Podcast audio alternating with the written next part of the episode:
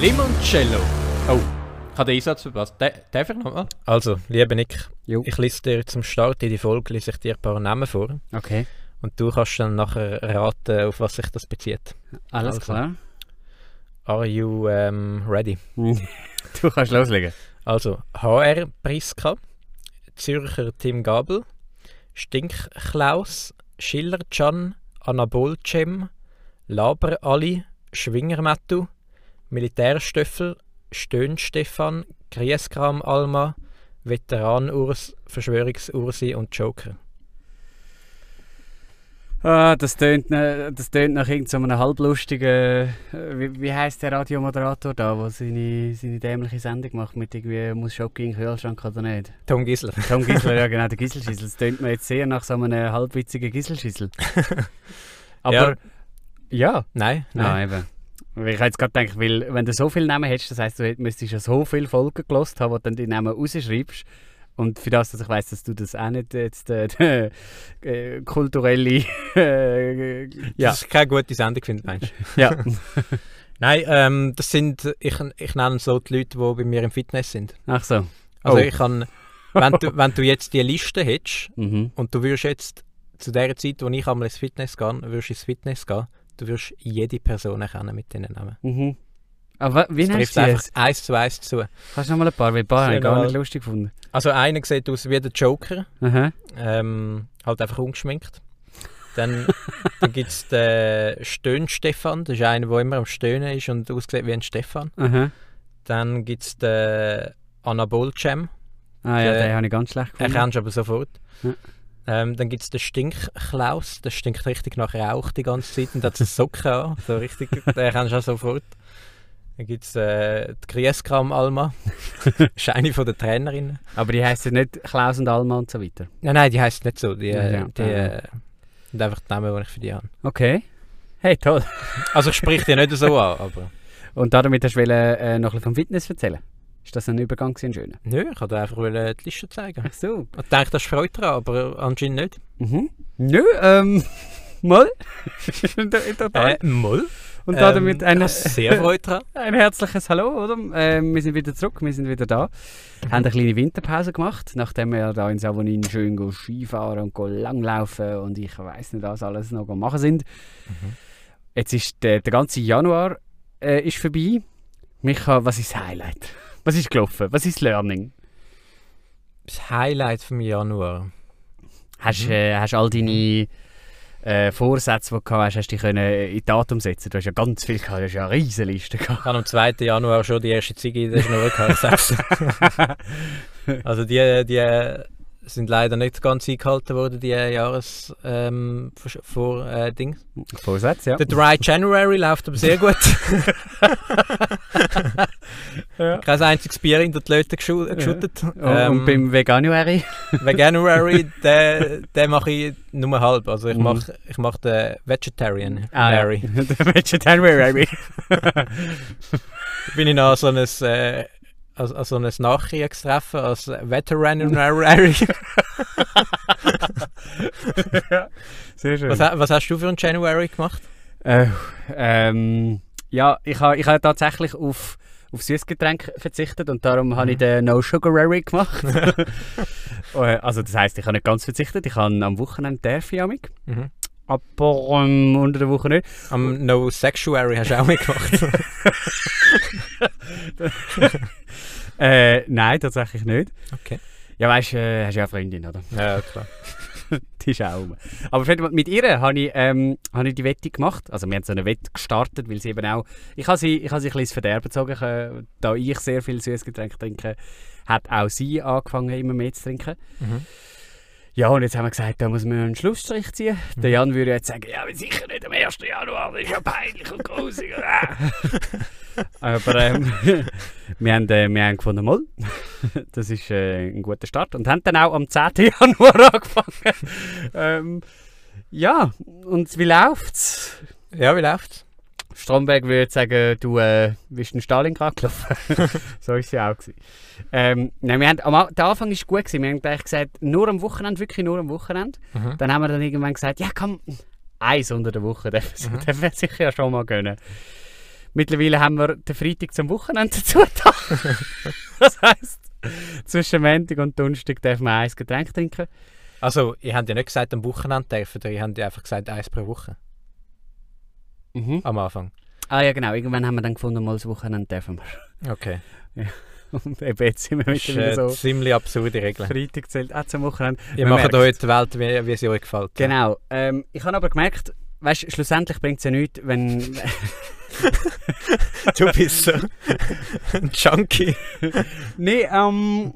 mm, Am Schluss ich bin, bringt es äh, ja auch nichts, wenn es mir, wenn's mir nicht äh, wohl ist dabei, Genau. wenn ich kein süßes Getränk darf trinken. Und darum, äh, Nein, ich, ich möchte ja eigentlich etwas Gutes für meinen Körper machen, aber ähm, wenn, wenn ich dann merke, äh, es schlägt auf die Psyche. wird's wenn du natürlich- kein Cola kannst trinken, schlägt es auf die Psyche. Nee, nee, nee, nee, du musst dir das nicht vorstellen, dass ich gickerig äh, f- im Büro sitze und denke, äh, ich brauche jetzt meine Cola.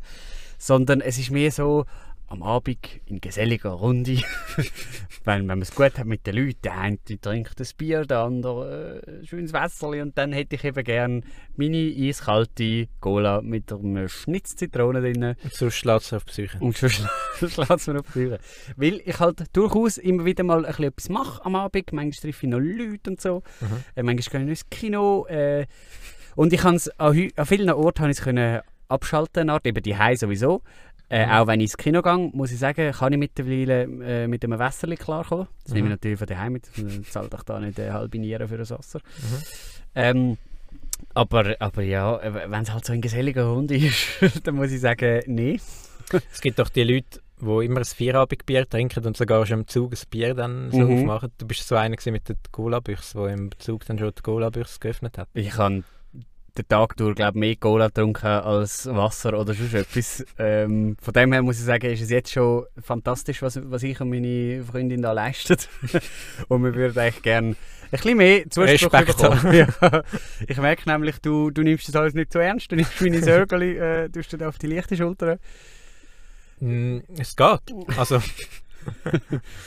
Nein, du, schau, im, im Endeffekt müsst ihr ja selber wissen, äh, ob, äh, ob ihr damit könnt leben mit dem Selbstbetrug. Dass ihr, dass ihr immer mehr Tage dazu zählt.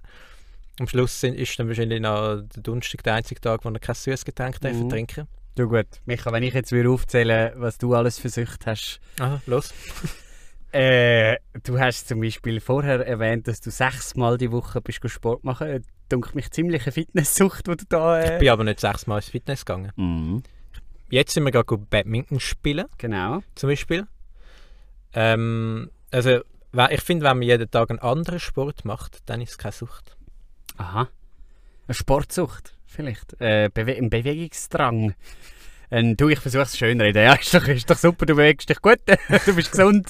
Leg mich am Arsch. Ganz ehrlich, leg mich am Arsch. Als nächstes kommt's noch, kommt noch, dass ich äh, eine Sucht habe, dass ich nicht, äh, dass ich einfach immer die Hände vom Heroin lasse.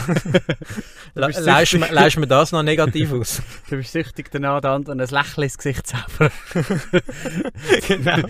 süchtig, zum ganz viel Geld spenden. Süchtig, um immer pünktlich im Geschäft aufzutauchen. genau. Süchtig nach Körperhygiene. Gut, gut das wäre eine Sucht, ja. Körperhygiene. Also, ja, das könnte man auch übertreiben. also jeden Tag duschen finde ich jetzt nicht gerade süchtig. ja gut, nein, das nicht.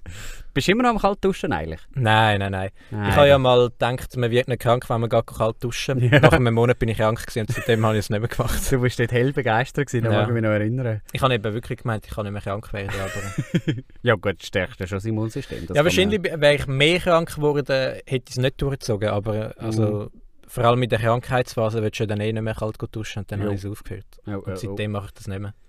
Und im Sommer finde ich es sowieso noch mal leichter, um das zu machen, als im Winter. Ja, das stimmt. Ja, dann ist es ja auch keine Kunst mehr. Ja. Wenn du halt aus, dem, aus der Dusche rauskommst, wenn du kalt duschst hast und der Raum auch kalt ist, das ist natürlich scheiße. Wobei, du hast ja dann warm, wenn du kalt rauskommst. Und dann Mhm. ist es nicht so schlimm. Aber, Ja. aber ist ja Hans was Heiri, gell? Ist Hans was Heiri. Ich habe ja noch äh, eine Verfolgungsjagd miterlebt. Ich würde gerne noch Stimmt, von der stimmt, ja. erzählen. Ich bin zu später Stunde. Äh, du bist ja dabei gewesen. Wir sind, äh, wir sind äh, bei jemandem daheim gewesen, so eine Kollegin, die so ein bisschen, äh, Homeparty. ja, so ein kleines Festchen gemacht hat. Mhm. Ähm, und dann bin ich auf dem Highway gewesen, mit dem Auto wohl bemerkt Mhm. und äh, fahre da so meine Strecke ab und hat nicht so viele Leute gehabt auf der Straße und plötzlich hört man von ganz weit weg hört man ganz viele Sirenen. Das war mir bewusst, gewesen, oder? Ich bin ein guter Fahrer. Ich weiss, äh, den Blinker nach rechts setzen. weg von der Überholspur. Das Tempo ein bisschen drosseln. und dann kommt das gut. Und Beide dann- haben am Lenkrad. Genau. Ziggy aus der Schnurre. ähm, Das Buch weglegen. den Film abstellen. genau. ähm, genau, und so bin ich dann schön meine Tempo... Mittelfinger wieder reinziehen. bin ich dann ganz normal gefahren. Und dann, anstatt dass eben das Polizeiauto an mir vorbeigekäset ist, ist das erste Mal, ein paar Sekunden vorher, ist irgendein Privatauto ist irgendwie mit, ich weiß doch auch nicht, 200 oder so an mir vorbeigeseichert und dann fünf Polizeiwagen hinten rein. Habe ich mich wirklich auch gefühlt wie im Film, das war richtig geil. Gewesen. Und dann ein paar Sekunden später sind gerade nochmal vier gekommen, nein, drei sind nochmal gekommen. Ähm, und dann sind die da weiter gefräset und ich musste dann leider müssen äh, ab der Autobahn runter, sonst wäre ich denen natürlich hinten reingespurtet, um zu schauen, wie es wie es ausgeht. Hast dann aber in der Zeitung erfahren, man kann das nachlesen. Ähm, der hat dann nachher, einen, äh, ja, wie soll ich sagen, einen Den Artikel Autounfall habe ich gehabt. dir sogar geschickt. Ja, nicht nur du, ich habe ich habe das äh, jemand anderem auch erzählt, mhm. mir einen direkt geschickt.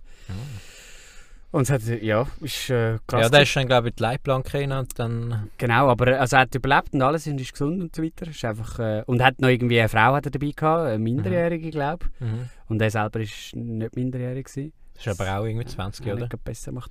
Ja, ja, ja ich glaube, so um die 20 ist der. gewesen und Also sie- wieder so ein ich weiss nicht. Junglenker. Ja, genau, ja, typisch. hat sein Preuve noch nicht lang. ja, ähm, das war einmal noch interessant. Gewesen. Also ich bin natürlich froh, geht es allen gut. Aber es war mega krass, gewesen, das so zu erleben, wie die irgendwie so an einem vorbeifräsen und plötzlich kommt das in der Zeitung. Ich sag, Das ist hätte schon der krass, vor- krasse Erfahrung, ganz Ja. alleine. Das ist- Noch nie erlebt. du. Ja, crazy. Ja.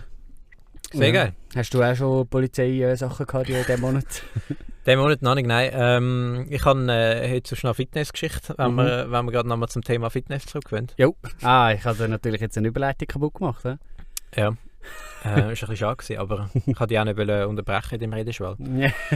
Ich bin, ich gehe ja gern, also bei mir gibt es ja im Fitnessobertrag gibt's noch das Hallenbad und dann nochmal einen Stock obendrauf gibt es eine Sauna. Ja. Und ich gehe gerne nach dem Fitness noch schnell in die Sauna, einfach so ein bisschen den Körper runterfahren. ja. Und dann bin ich in der Sauna schon gewesen, und dann bin ich am Duschen gewesen, und mein Tüchlein ist gehangen. Mhm. Und, äh, Also wo gehangen? also an der, es gibt ja so Stangen, wo du das Tüchlein kannst du drüber Ah, in der halten. Dusche. Ja, ge- gerade gegenüber von der Dusche. Ja. Und dann bin ich mit dem Rücken zum Tüchlein gewesen, also ich habe es nicht im Auge gehabt. Mm. Und Mhm. hat duscht. Dann habe ich mich einmal umgedreht. Also ich bin- bin nicht lange mit dem Rücken zum Tüchlein gewesen. Dann habe ich mich einmal kurz umgedreht, zack, weg ist es. dann äh, habe ich kein Tüchlein mehr gehabt. Mhm. Dann bin ich, ähm, ich dachte, du, äh, was soll denn das? Dann bin ich, bin ich so im ganzen Schwimmbad gesucht, ob irgendwo mein Tüchli rum ist. Dann bin ich nochmal schauen in die Sauna und dann sehe ich einfach, einer hat einfach mein Tüchli umgebunden gehabt. Was? Hey, dus, eh, das hat, dann bin ich zu dem Mann gegangen und habe gesagt, du, äh, Oh, ist das mein Tüchli? Dann hat er geschaut, uh, uh. was für ein Gespräch. ey. Dann hat er mir ein Tüchli gegeben. Ähm, und dann, also, dann, äh, dann ist äh, also der hat, hat das einfach um sich herumgebunden gehabt und hat dann natürlich nichts mehr angehabt. Habe Ist ich ihn er so nackt weggeschickt. Ja. dann habe ich ihm das Tüchli, ge- also habe ich das Tüchli wieder rüberbekommen. Dann hat mich richtig aufgeregt. Und dann, und dann Hast du gesagt, kennst mich. spitzt mit dem Tüchli? hätte man am liebsten also eine richtige Fe- Flatter gegeben, so eine saftige. ähm, ich meine, wie blöd muss eigentlich sein? Es, Mhm. Also es war nicht ein weißes Tüchli, gewesen, das du kannst verwechseln kannst. Es ist so...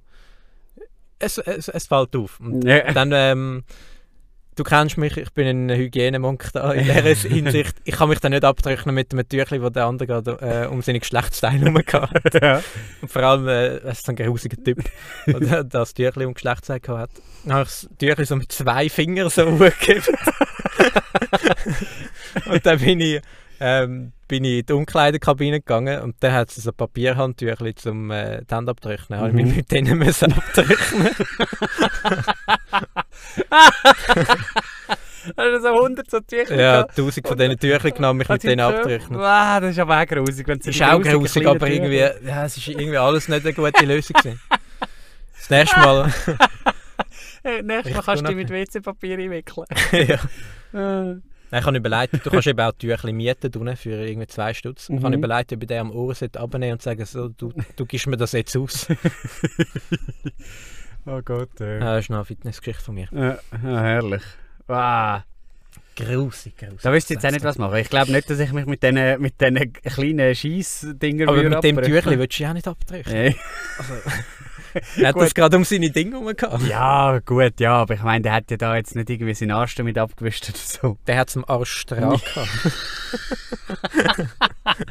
Aber wie lange? Du hast ja gesagt, du hast dich kurz umgedreht und dann ist es weg gewesen. Ja, und nachher bin ich go das Ding absuchen. Also der hat schon zwei, drei, fünf Minuten rum gehabt. Ja, okay. Und geschwitzt hat er natürlich auch noch. Geschwitzt hat er auch. Gut, der ist ja nicht, der, ich glaube, er ist nicht schon in einem, so einem Raumding. gewesen, aber- Aha, okay. Ja, aber es ist grusig. Ja. Das ist natürlich eine sehr äh, ethische Frage, die du dir äh, hast selber müssen Mhm. stellen Was Mhm. mache ich genau? Und jetzt. Ja.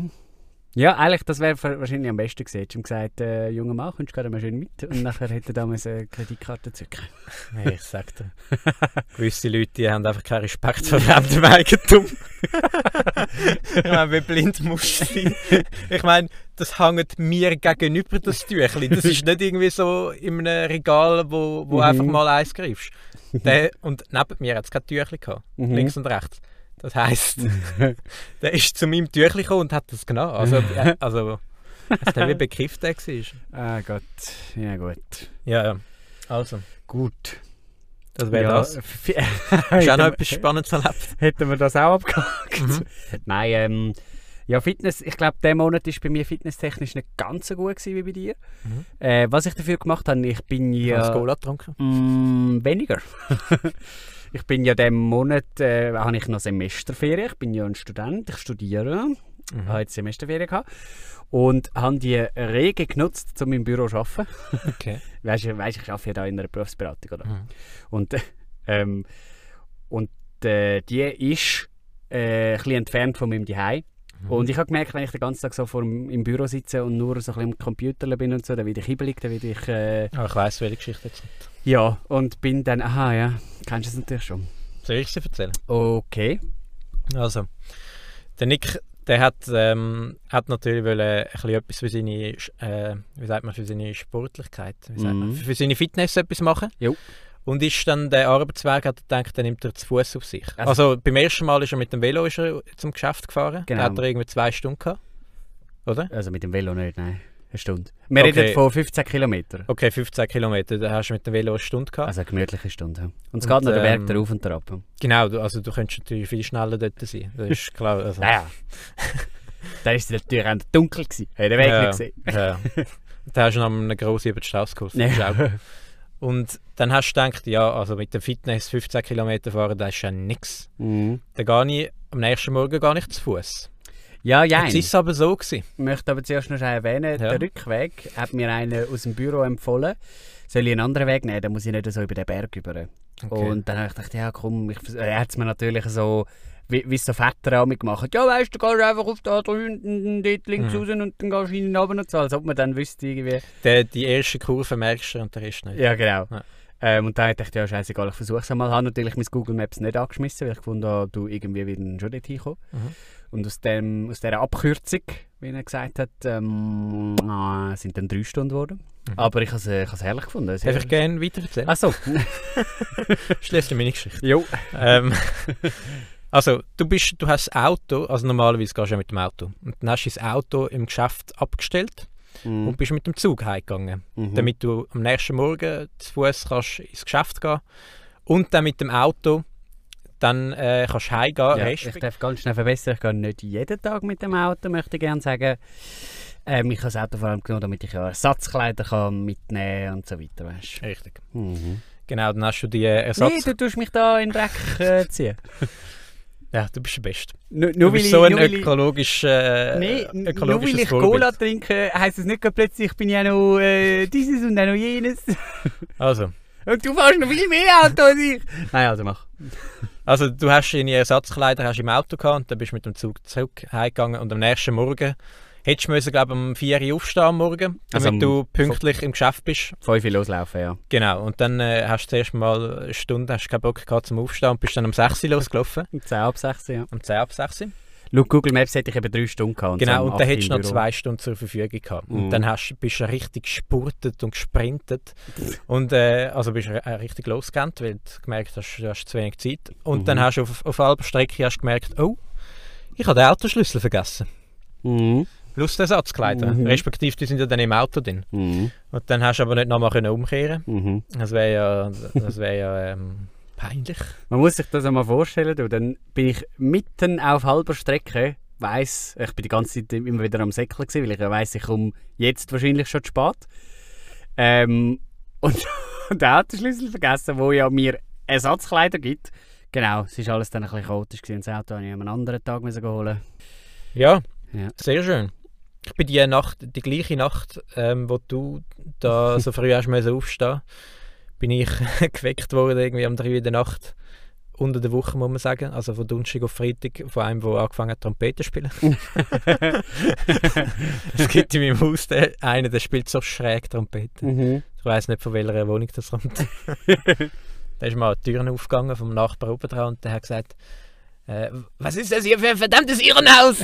und dann hat er erst noch so gepfiffen, dann hat das Trompetenspiel aufgehört, er hat die Türen zu abgeschletzt- äh, geschletzt. Mhm.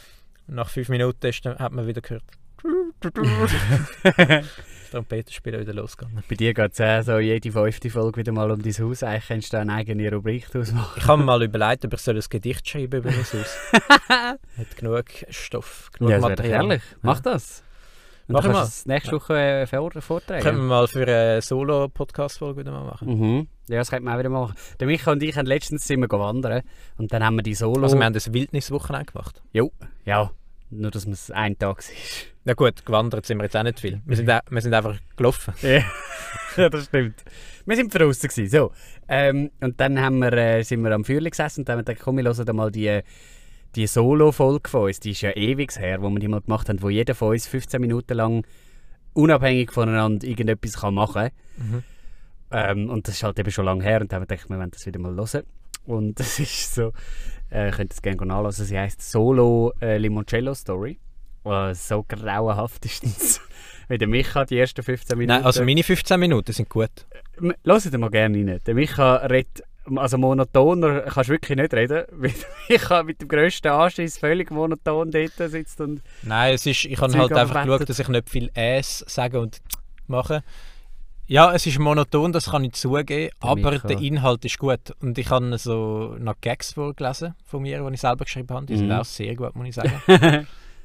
der Micha redet den ganzen Podcast durch und etwa so. Okay. Und Darf ich, darf ich in irgendwann- dem Fall noch sagen, wie du gemacht hast? Also, man, man kann sagen, es war noch ein bisschen Corona-Phase gewesen zu, zu Mhm. der Zeit, wo wir das aufgenommen haben. Und der Nick hat dann etwas so gemacht. Also, ich bin jetzt äh, ich bin draußen gewesen und dann hat die Frau wegen Corona geredet. Und jetzt muss ich mich wirklich aufregen. Ich reg mich eigentlich nie auf wegen Corona, aber das macht mich verdammt mal hässig. Ah. Könnt ihr alle mal auf den Schlitten hocken, verdammte Scheiße. Ah. ja, hat Nick seine Folge getönt und er hat, gedacht, er hat sich richtig in Rage hineingedank- äh, Mhm. hineingeredet. Er hat das Gefühl gehabt, er hat da jetzt einen richtig geilen, geilen Monolog. Die ersten fünf Minuten von meiner Folge... interessiert Die, er die Meinung. ersten fünf Minuten von meiner Folge finde ich sehr gut. Und ab dann ist die nackte Katastrophe, wenn ich da... Nein, das ist... Da tue ich mich schämen mittlerweile. Und dann haben wir noch den Jan. den Jan. der Jan, der 15 Minuten lang... Der Jan redet 15 Minuten davon, dass er go langlaufen ist. Und dass dort jemand an ihm vorbeigefahren ist. Genau. Jan seine 15 Minuten Geschichte besteht einfach daraus, einer hat ihn überholt. Ja. Mehr passiert in 15 Minuten nicht. Aber eben, unsere drei, also ich finde alle, da, das können wir besser. Eine lustige Idee, aber ähm, nicht wahnsinnig gut umgesetzt, muss man sagen. Können wir gerne mal wieder versuchen. Mhm. Mhm. So, ähm, jetzt bin ich mir unsicher, ob ich noch eine Story ver- soll erzählen oder ob wir da Schluss machen, Nein, erzähl, erzähl. weil sie gibt nicht wahnsinnig viel her. Ja, ja, das, äh, ich glaube, meine, meine Story, dass jemand mein Tüchli geklaut hat, gibt auch nicht viel mehr. Ja gut, Da geben wir immerhin ein, ein, ein paar K- äh, Geschichten, die ein bisschen etwas hergeben. Mm, Äh, es wo- geht um mich und einen Fuchs. Okay. Hast du einen Fuchs gesehen? ja, Oh. Ah. herrlich gewesen. Nein, eben nicht nur einmal. Ähm, es ist so, ich bin ja umgezogen, ich bin ja ausgezogen, ich bin an einem neuen Ort eingezogen. und Mhm. bin dort jetzt seit, glaube zwei Monaten. Äh, Ich fühle mich wohl, dank äh, der Nachfrage. fühle mich wirklich sehr wohl. Und ähm, manchmal, wenn ich am Joggen bin und so, dann be begegne ich mir einem Fuchs, der dann so über die Straße säckelt oder so. Oder manchmal, wenn ich heimkomme am Abend ähm, und aus dem Bus aussteige oder so, dann rennt da mich auch ein Fuchs weg. Und ich bin lange nicht sicher, gewesen, ob das nur einer ist oder ob das mehrere sind. Mittlerweile, ich habe natürlich genau beobachtet, habe ich das Gefühl, das ist nur einer. Ich bin, letztens bin ich eben durchs Dorf äh, spazifizottelt und dann ähm, bin ich so am Schulareal vorbeigegangen. Ich muss sagen, ich finde, das klingt jetzt ganz falsch, aber ich finde das Schulareal immer etwas ganz Spannendes. Weil ich ja angehender Lehrer bin. Hm. Und dann nimmt es mir immer so Wunder, wie sehen so Klassenzimmer aus und so. Mhm. Ähm, und es war halt Abend, gewesen, logischerweise war ja nie kein Kind mehr rum gewesen oder so. Mhm. Ähm, bin ich dort ein bisschen auf dem Platz umeinander gejankt. Und dann hat es eben einen Fuchs wieder gehabt. Der Fuchs Auf dem Schulplatz. auf dem Schulplatz. Und der ist dann nicht abgehauen. Und dann bin ich ein paar Schritte näher und so. Und der ist, immer, der ist nicht abgehauen, Micha. Du Äh, hast keine Angst gehabt vor dem Fuchs. Nein, wir haben ja schon Duzis gemacht. ähm, ja, und da habe ich den von ganz näher habe ich den können anschauen. Ich habe natürlich nicht angelangt oder so. Aber das, äh, das Mhm. Also magische von Wesen... was für äh, Distanz reden wir da? Ja, so zwei Meter. Okay. Pff, äh, eineinhalb. Ja, l- lassen wir es zwei sein. Dann hast du einen grossen Stein genommen und gesagt, verreisen. Ja, Verreis, Verreis, Verreis. Ja, ähm, das ist ein magischer Moment gewesen für mich. Weißt, ich bin ja, ich bin ja der Tierwelt sehr näher. Mhm. Wenn ich sie nicht gerade esse, dann, äh, dann schaue ich es noch gerne an. Mm, ja, ich, kann- eben. Äh, äh, die Geschichte hat nicht wahnsinnig viel Fleisch am Knochen. ich kann gar nicht mehr wollen erzählen. Ist Schön gewesen. Schön Ja, gewesen. ich aber habe jetzt geil. eine, Ja, cool. eine Freundschaft äh, mit dem Fuchs. Ich äh, gehe so mit dem laufen. Nein, aber das ist doch lässig. Ich finde äh, Fuchs noch ganz, äh, ganz etwas Spannendes. Mein Vater hat einmal so... Ist es mein Vater gewesen oder meine Mutter? Bin gar nicht sicher. Er hat einmal so Baby, Babyfuchs gesehen gehabt im Wald. Mhm. Und äh, ja, Ich habe dir auch mal ein Bild von Babyfüchs geschickt. gehabt. okay. Aber f- vielleicht bin ich es gewesen. ja, vielleicht bist es du gewesen, ja. Gut. Ja, ich würde sagen, sehr schön. Danke für die Geschichte. Ja. Ich bin jetzt gerade am überlegen, ob ich noch etwas erlebt habe in letzter Zeit. Eigentlich schon viel gemacht, aber äh, jetzt nichts, wo, wo man kann sagen das ist jetzt eine Big Story. Oh, ich Gestern- habe noch ganz, ganz gestern, kurz noch bin schnell. ich, gestern bin ich Schlittschuhen zum Beispiel. Ja. Bist, ja, und, Und, dann bist du äh, ganz spät heimgekommen. Und darum bist du jetzt müde. Ich bin nicht müde, nein. Ach so. Ah, hat auf dem Badmintonplatz aber anders ausgesehen. Das sagt der richtig, das sagt so der richtig. Also ja, was- äh, sag noch schnell. Ja, nee, ich wollte noch einen Appell machen äh, an alle da draußen. Hört doch einander wieder ein bisschen mehr zu. I- irgendwie, ich weiß nicht, ob ich in letzter Zeit ein bisschen zu fest auf das achte, aber ich achte mich irgendwie in letzter Zeit sehr fest darauf, dass überall, wo ich bin, nicht alle natürlich, aber es gibt, ich, ich bekomme das ständig mit, ob jetzt äh, Podcast oder weiß ich auch nicht, Arbeitskleider oder ich weiß doch auch nicht. Man lässt sich so nicht mehr, nicht mehr richtig zu. An der PH gibt es auch so Leute und so. Ist Irgendwie, mir auch schon aufgefallen. Ja. ja, das, das geht mir so auf den Sack. Also jetzt nicht an der PH, aber generell. ja gut, du bist auch nicht gross dabei. Eben drum.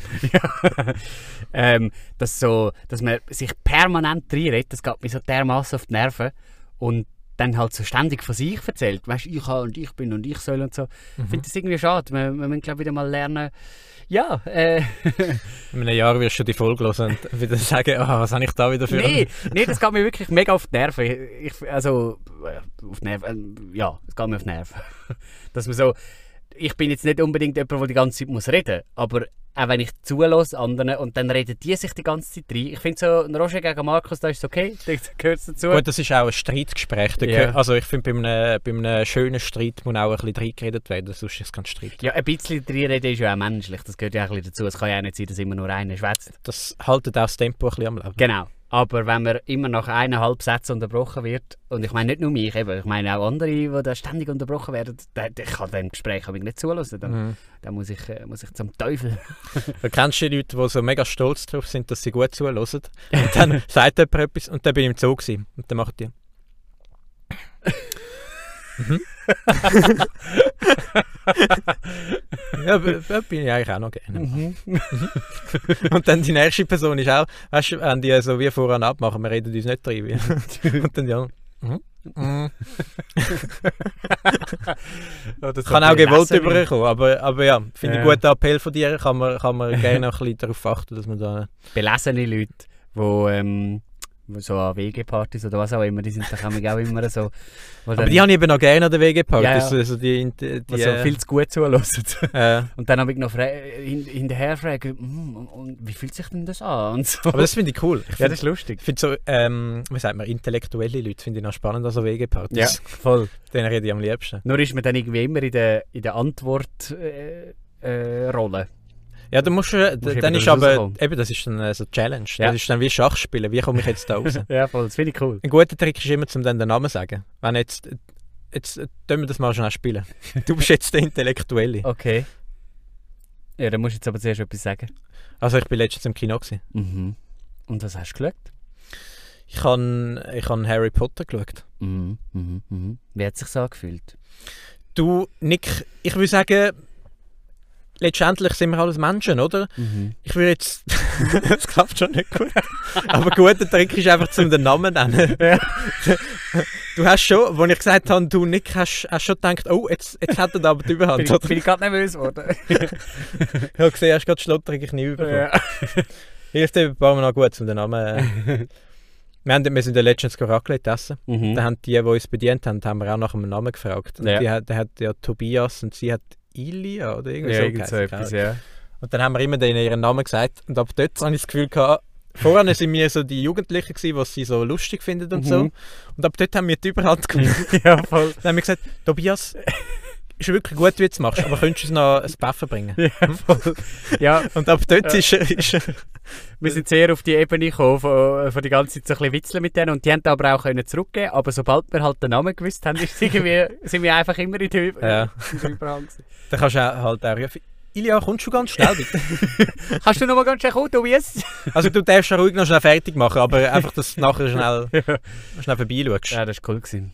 Aber ich finde sowieso mit so äh, Leuten, die servieren, irgendwie, das ist doch doof, wenn du da immer so Stier da sitzt und äh, geh mir Schnitzel und so. Also, da musst du ein bisschen spielerisch an die Sache an. Vor allem die Leute, die sich zu ernst nehmen beim Wein, verhoben die regen mich richtig auf.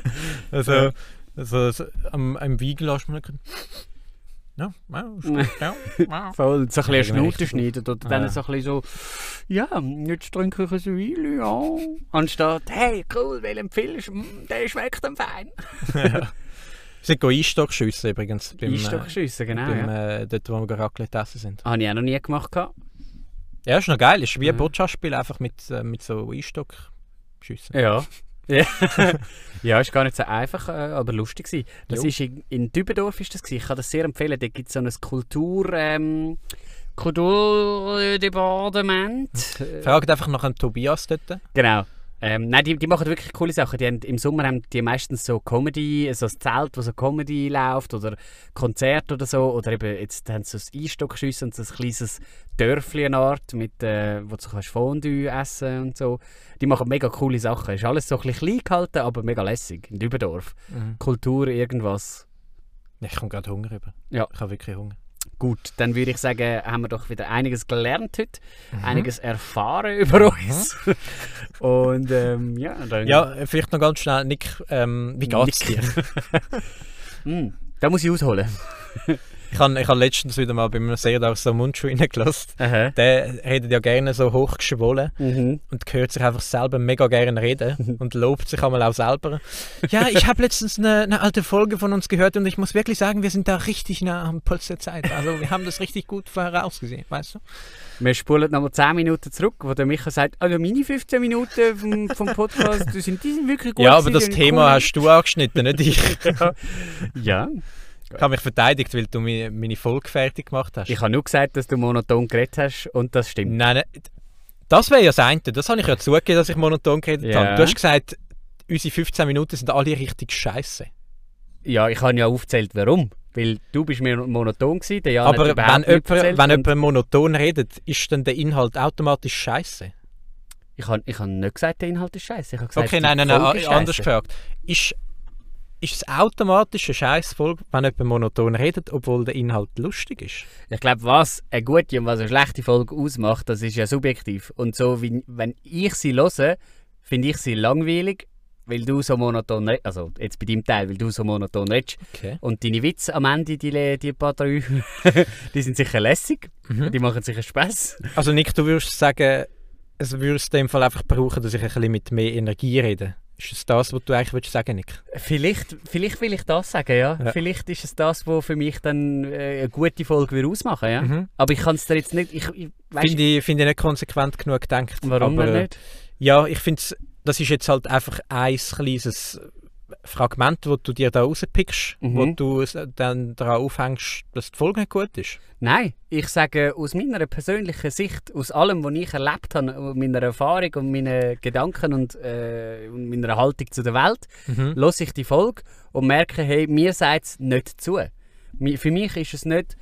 Ähm, für mich ist es nicht. Ähm, ich weiß auch nicht, es fehlt mir ein bisschen etwas. Und vielleicht fehlt mir bei dir halt eben äh, eine Stimme, wo wo mich mitnimmt, wo, wo mich packt und sagt, hey Nick, komm, wir le- erleben jetzt ein Abenteuer. Für mich ist es fest so ein bisschen, ein- ja, eben halt monoton. Und das macht dann für mich das ein bisschen schlechter. Du merkst jetzt, also du siehst jetzt gerade, ich bin das jetzt gerade am, am Verarbeiten, ich bin jetzt gerade Ja. am darüber nachdenken. Ich merke, es kränkelt Also, dich also, ein bisschen. ja. also klar, du kannst jetzt, du kannst natürlich gerade jetzt, äh, ich habe überlegt, ob ich jetzt gerade impulsiv würde reinspringen und sagen, hey, Mhm. stopp, stopp, stopp, stopp, ich- nicht einverstanden. ja.